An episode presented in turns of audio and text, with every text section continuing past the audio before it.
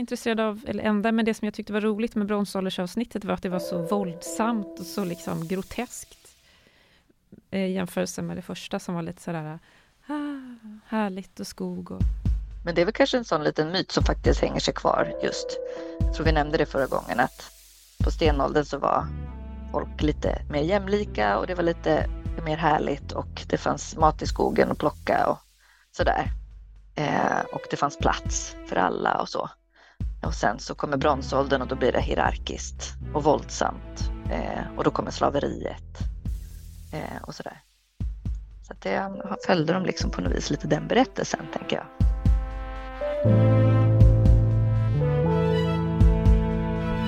men då kan vi börja så eh, med att säga välkomna till Oglömt där vi i det här avsnittet fortsätter att titta på SVTs storsatsning Historien om Sverige. Och sen vi sist pratade om premiäravsnittet så har två avsnitt sänds på tv. Metallernas tid, avsnitt två och Vikingarnas tid. Eh, och det är jag, Moa Svan och Li Kolker som sitter på Zoom och sen har vi också med oss Ulla Mans som sitter också på länk. Välkommen! Tackar, tackar! Vi var ju eh, överdels, eh, övervägande positiva helt plötsligt eh, förra avsnittet när vi diskuterade. Eh, vad säger du Ulla, är du fortfarande lika positivt inställd till eh, den här historiska satsningen? Eh, ja, förra gången var jag ju eh, inte jättenegativ utan ganska lite försiktigt positiv till det här med stenåldern. Jag tyckte om de här avsnitten, de var tankeväckande. Det som bekymrar mig lite, som, eh, det är en sak som också jag reagerade på när jag började läsa idéhistoria, det är att man gör stora hopp ibland i, i eh, det förflutna. Så att man är på stenåldern och så visar de en tidslinje och sen hoppar man några tusen år framåt och sen är det något annat och så pratar man om det. Och det är inte ointressant, det är väldigt lärorikt och intressant. Men vad har hänt däremellan och vad händer med övergångar? Eh, jag ska konkretisera det genom mer när jag läste idéhistoria så börjar vi ju med för, försokraterna och då är det liksom före Kristus, det är i Grekland. Och så nästa föreläsning, då var vi i Rom och då var det efter Kristus. Det är bara så här, hur, hur kommer det här sig nu att vi är här och hur, vad har hänt? Det går lite för snabbt och hur kommer det sig att någonting är ett centrum. Här var det då eh, runt ja, den grekiska, de grekiska stadsstaterna och sen helt plötsligt är det Rom och man får, inte, man får inte veta hur den här övergången blir. Och det tyckte jag var lite synd att de inte gjorde mellan stenåldern och bronsåldern. Eh, däremot gjorde de det väldigt fint i vikingatiden. Där gjorde de en brygga över. Man ska inte undra hur det kommer sig. Det är, vi, vet, alltså, vi ska inte undra över de här hoppen som görs utan vi ska bara hänga med i hoppen. Det tyckte jag var lite tråkigt, för att det, det är klart, hur kommer det sig att man visste att det fanns brons? För man säger att man måste importera de här råvarorna för att tillverka brons. Alltså bronset är då en väldig uppblomstring av kulturen och civilisationen under den här tiden då. Hur visste de att det fanns det då? Det får vi ju inte reda på. Alltså, så vi får inte reda på framväxten av bronsåldern. Sen tyckte jag det var intressant och kul. Och sen hade jag jättegärna önskat att det handlade mer om järnåldern för att jag kommer ju från en bygd på gränsen till Bergslagen där det vimlar av järnmalmsproduktion, resten av dem. Och det är ju helt fascinerande. Hur klurar de ut detta då? Ja, men det är intressant det där. Jag, jag förstår vad du menar. Jag hade nog inte tänkt på det, men just det här precis, man svischar längs tidslinjen och plötsligt så är man så här, oh, någon annanstans. Det är lite som dagens resande, att man sätter sig på ett flygplan och så dimper man ner någonstans i världen och fattar egentligen inte riktigt vart man är eller vart man har kommit, för man har inte, det finns ingen process på vägen dit, utan man liksom ploppar upp på olika ställen så här i, i världen eller i historien. Och det är klart, det är förvirrande. Och jag skulle kunna tänka mig, eller jag, jag är rädd för att det nog är så att vad det gäller både stenålder och bronsålder och de här liksom äldre delarna av förhistorien eller forntiden så är det för att det är så otroligt mycket tid. Det är så många tusen år. Så att om man ska liksom, eh, köta sig igenom dem ordentligt då är man rädd för att man tappar intresset kanske eller tappar tittaren. Så eh, det är därför också man, man kan se verkligen någon sorts evolution i avsnitten att ju längre fram i tiden man kommer desto kortare tidsperiod får varje avsnitt handla om. Eh, så att på bronsåldern eller metallernas tidavsnittet så är det fortfarande väldigt, väldigt lång tid. Eh, Medan på vikingarnas tidavsnittet så är man nere ändå på några hundra år bara som får rymmas i ett avsnitt. Eh, men just med övergångarna som du säger Ulla, för det är ju där när förändring sker i ett samhälle, det är då vi kan verkligen förstå människor tror jag. Alltså vad händer, varför, vilka val gör man, vilka människor är det som rör på sig och flyttar? Eh, ja, men till exempel, du pratar om bronset. Hur vet man? Hur lär man sig? Ja, men den processen är otroligt intressant. Från att liksom det kommer en, en koppar, ett kopparföremål hit med någon som reser kanske. Eller man stöter på det någonstans när man själv är ute och rör sig till att man faktiskt börjar eftertrakta den här metallen, sen börjar man jobba med den själv. Det måste vara en experimentverkstad kring det, man måste lära sig av folk som är, är duktiga på det, det vill säga man måste ha kontakt med hantverkare i andra delar av världen. Alltså hela den processen är jättespännande och säger väldigt mycket om hur människor fungerar och hur vi har liksom tagit oss an eh, saker, utmaningar och så eh, som människor. Så det är synd att zooma förbi det på tidslinjen vi bara förstår det en passant. Det sägs inte att och vid den här tiden kom man på att man kunde göra anspråk på arv eller på mark och det kunde man göra genom att argumentera för att ja men titta här, jag har så här mycket bla bla bla eller ja vad det nu är för någonting. Det är sån här jättestor skillnad från stenåldern, så stenåldern blir, blir gjord till någon slags sån här historisk backdrop som vi brukar säga, som är tänker kring arkeologi i alla fall är ju att arkeologi är själva fynden, alltså det man hittar i marken från den här tiden innan det finns skrivna källor. Det är verkligen bara en del av det. Sen måste man lägga till massa saker. Man måste lägga till religionshistoria till exempel eller språkhistoria. Eller det som du pratar om är det som jag ofta uppfattar som idéhistoria. Just så här, men hur tänkte människor? Så hur diskuterade man sig fram till de här sakerna? Kanske att det är lättare att bara välja att berätta ett spår i taget och då missar man vissa saker om man får gnälla lite så är väl min kritik över uppföljningen här att den inte är så genusmedveten kanske som den första stenåldersavsnittet. För nu är det liksom tillbaka lite till det klassiska historiedokumentärer på tv med liksom män som slåss. Och den börjar ju på samma sätt i en stridshändelse, precis som stenåldern. Men fortsätter ju sen med rustningar och uppställningar och krigsövningar. Och där är det ju uteslutande män helt plötsligt.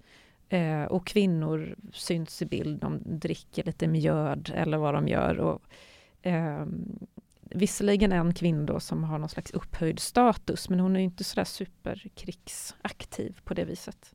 De missar ju väldigt spännande saker som relaterar till eh, genus och historieskrivning, tycker jag.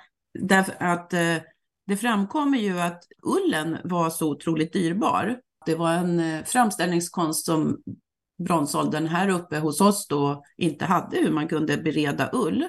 Varför hade de inte den kunskapen? Så himla svårt är det ju inte att klura ut hur man gör med ull. Eh, särskilt inte om man har provat att spinna själv med en slända. Det är väldigt lätt.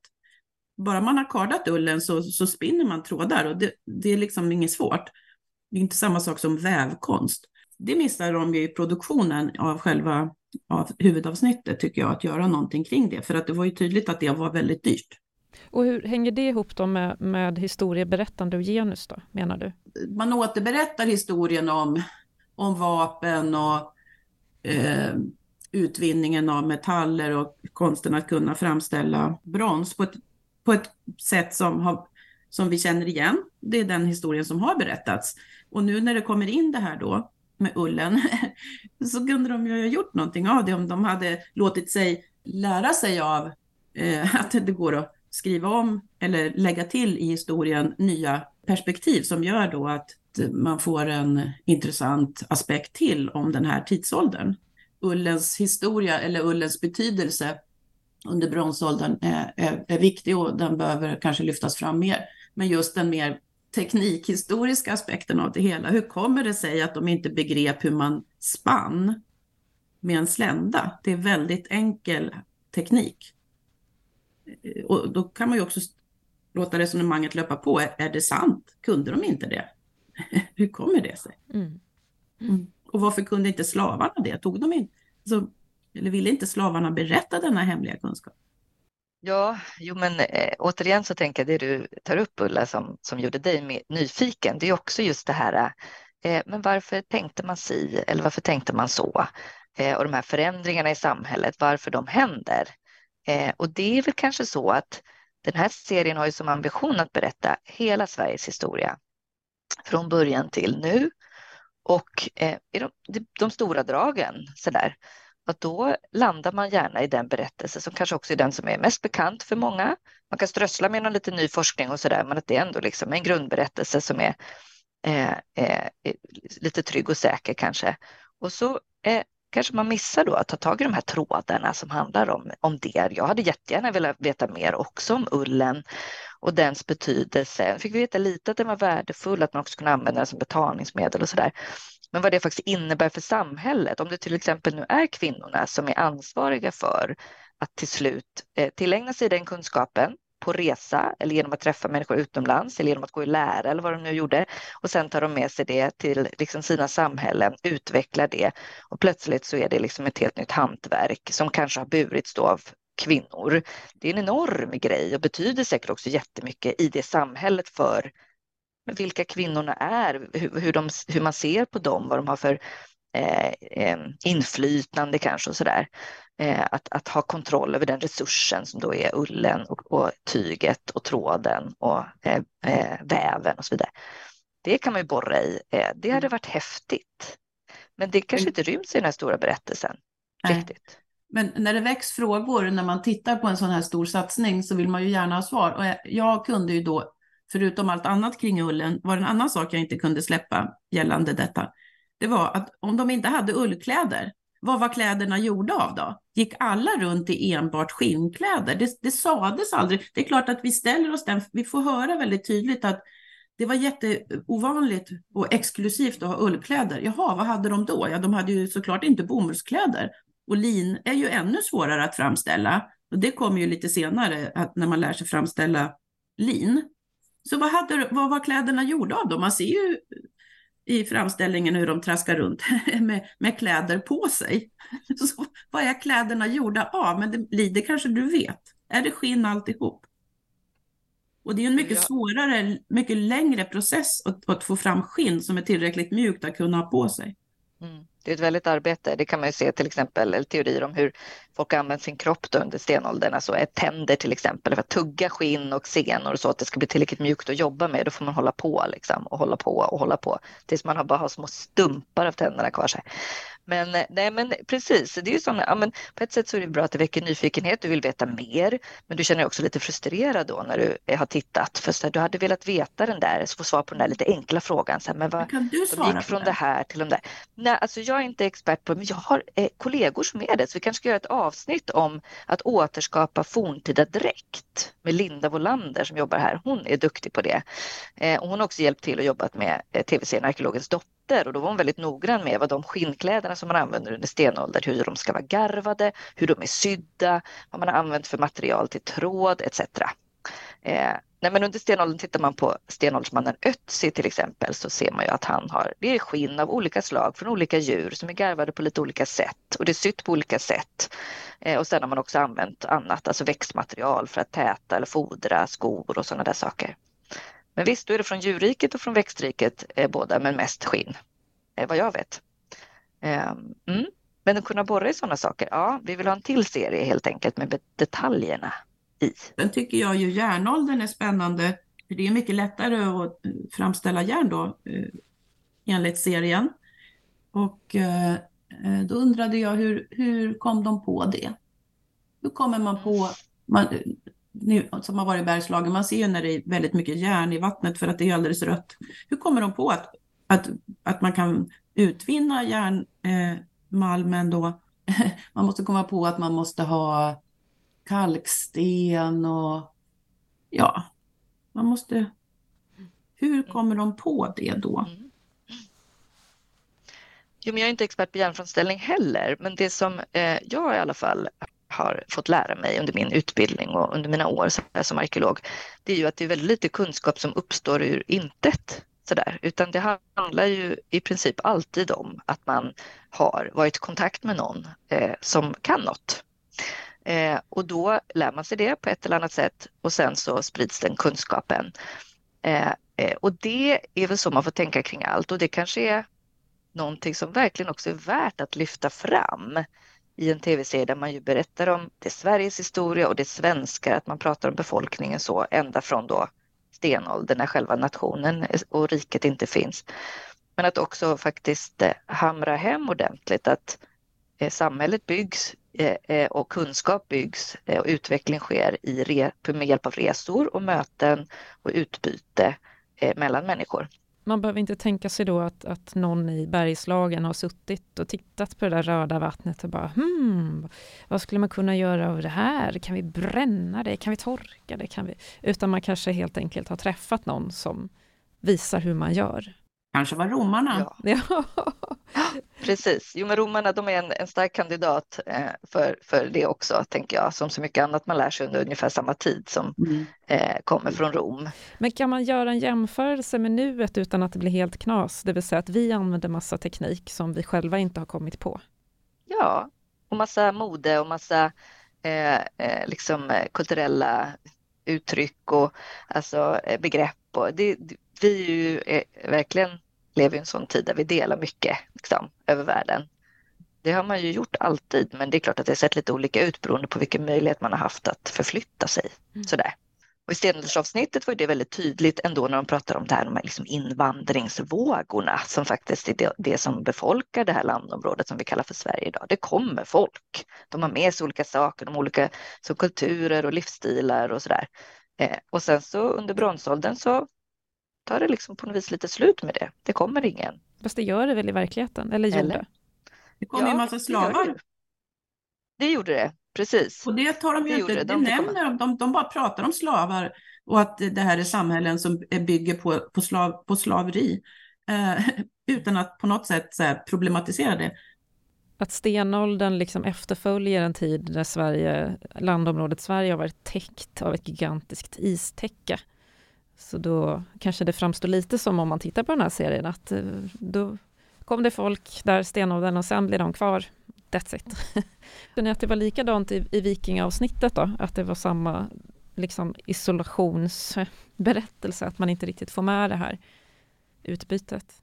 Jag har lite svårt att förhålla mig till vikingaavsnittet, för jag är lite ambivalent och har inte tänkt klart. Mm. Eh, därför att å ena sidan är jag positivt överraskad att, att det inte var så konventionellt så att det bara handlar om vikingar, utan det är väldigt snyggt det här att det kan, avsnittet heter Vikingarnas tid. Och så handlar det om den tiden och i den tiden så fanns det personer som plundrade och de åkte västerut. Och då var de ute och vikinga sig. Sen åkte de österut och då var, de ut, då var det ruser istället. Alltså de, det är lite mer djuplodande kring det där och att de också får bort den här att det bara handlar om spektakulära män som far runt med svärd och båtar eh, och så. De säger jätteintressanta saker kring till exempel att man börjar hålla ting. Det är ju ett enormt, det är ju jätteviktigt i ett samhälle, ett, rätts, en rätts, ett rättssamhälle. Man börjar hålla ting och, och att tingsman på kallar de det fornnordiska, jag kommer inte ihåg. Eh, det betyder person. Kvinnor var också tingsmän. Alltså det säger saker som sen inte så gör så himla mycket av. Så jag är lite, det är liksom både och, ris och ros. Mm. Så du hade velat fördjupa vissa saker som handlar just om hur samhället fungerade. Kanske för de som också var hemma vid, att ändå ju Eh, det är intressant tycker jag också att få berättelsen om, om resandet och det är en väldigt viktig del av vikingatiden som man inte kan bortse ifrån. Och att det inte bara är västerut som det ofta är kanske i konventionella berättelser eller populärkultur.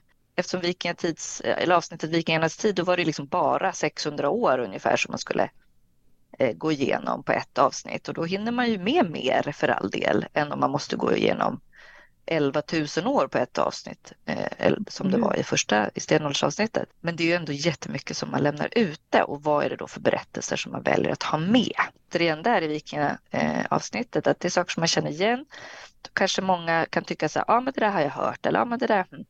Och sen så strösslar man lite eller lägger till någonting mer eh, som är okänt eller ny forskning eller en nyans av det man vet för att man ja, kunna väcka nyfikenhet eller eh, att folk ska vilja veta mer. Så på ett sätt är det ju ett eh, ska man säga, liksom snyggt pedagogiskt grepp då, tänker jag, om man vill nå en bred allmänhet, men man vill också väcka nyfikenhet eller att de som har mycket kunskap också ska kunna få någonting med sig, så att säga. som sagt, vi, vi, jag kan inte mycket om vikingar annat än den där väldigt konventionella biten, men det var ju jätteintressant med Olof Skötkonungs dotter Ingegärd. Då slår sig ner i någonstans i det som idag är Ryssland eller eh, i Ukraina-trakten där.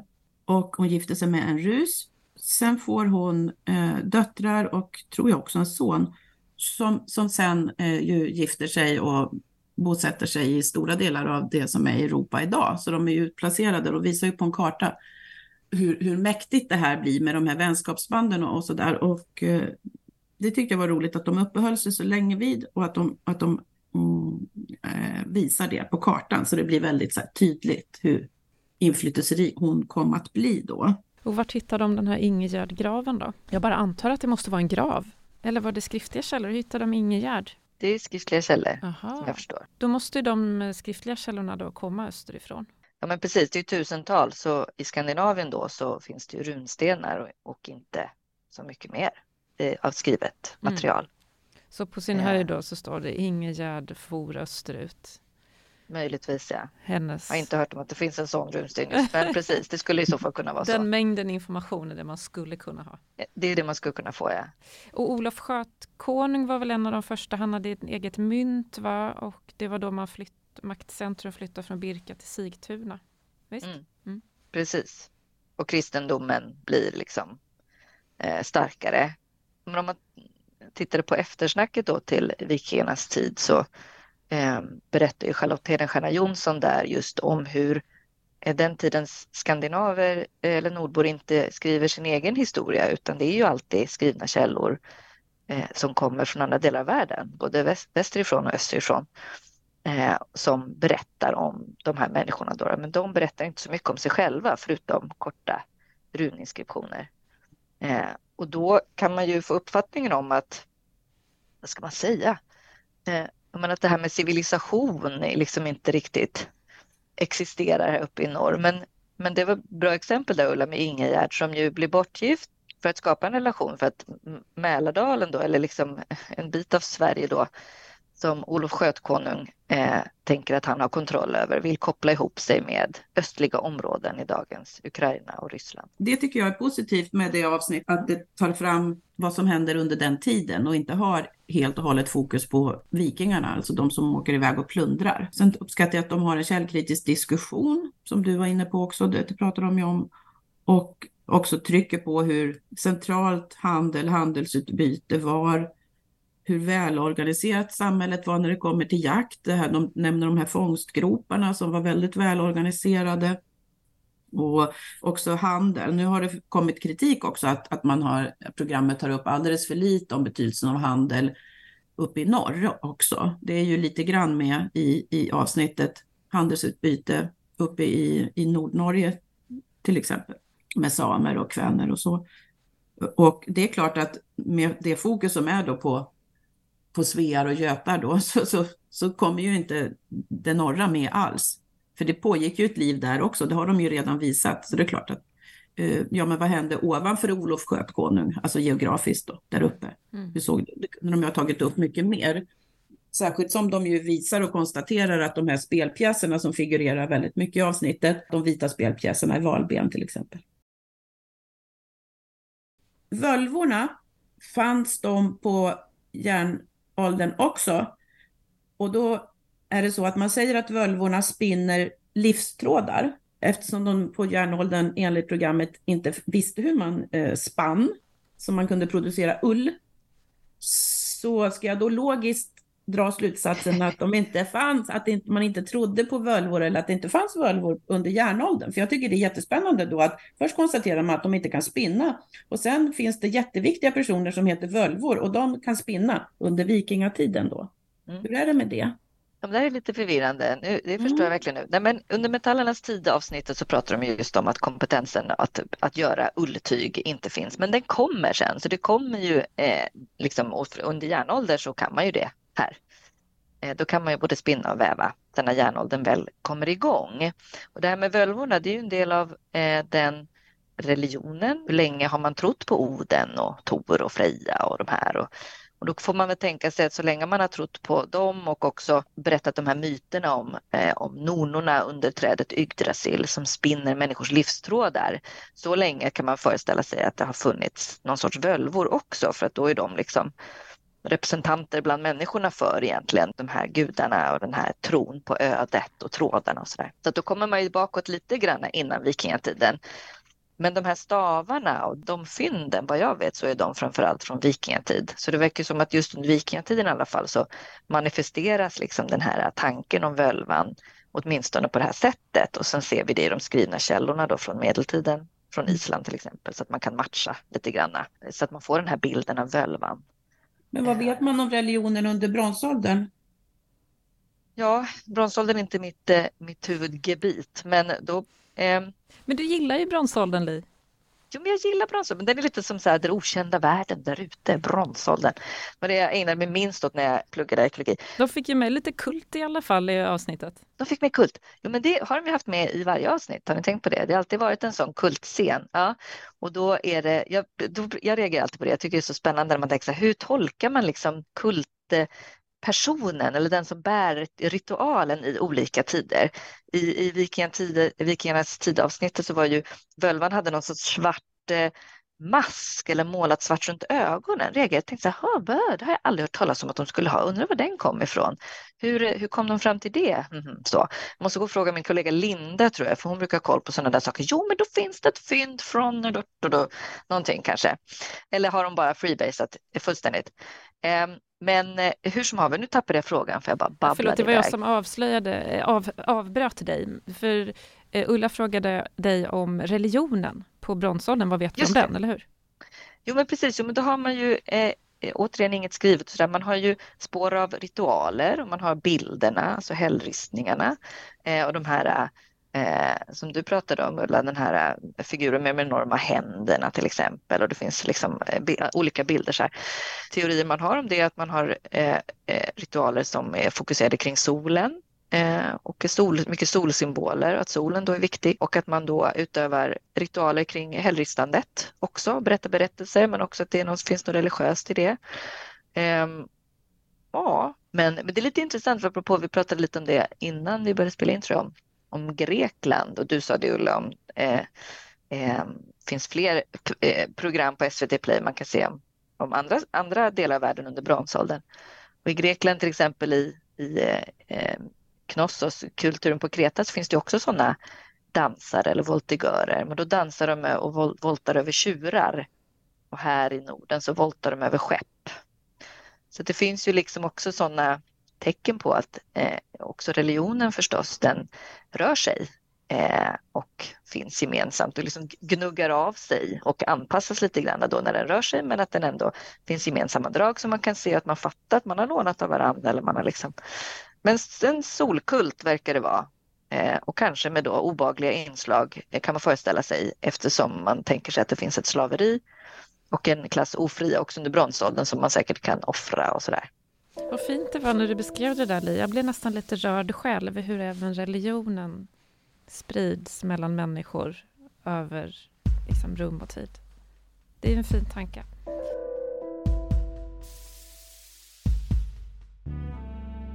Det här är Oglömt, podden om att göra historia. Med Moa Svan och Li Kolker från Södertörns högskola och Historiska museet.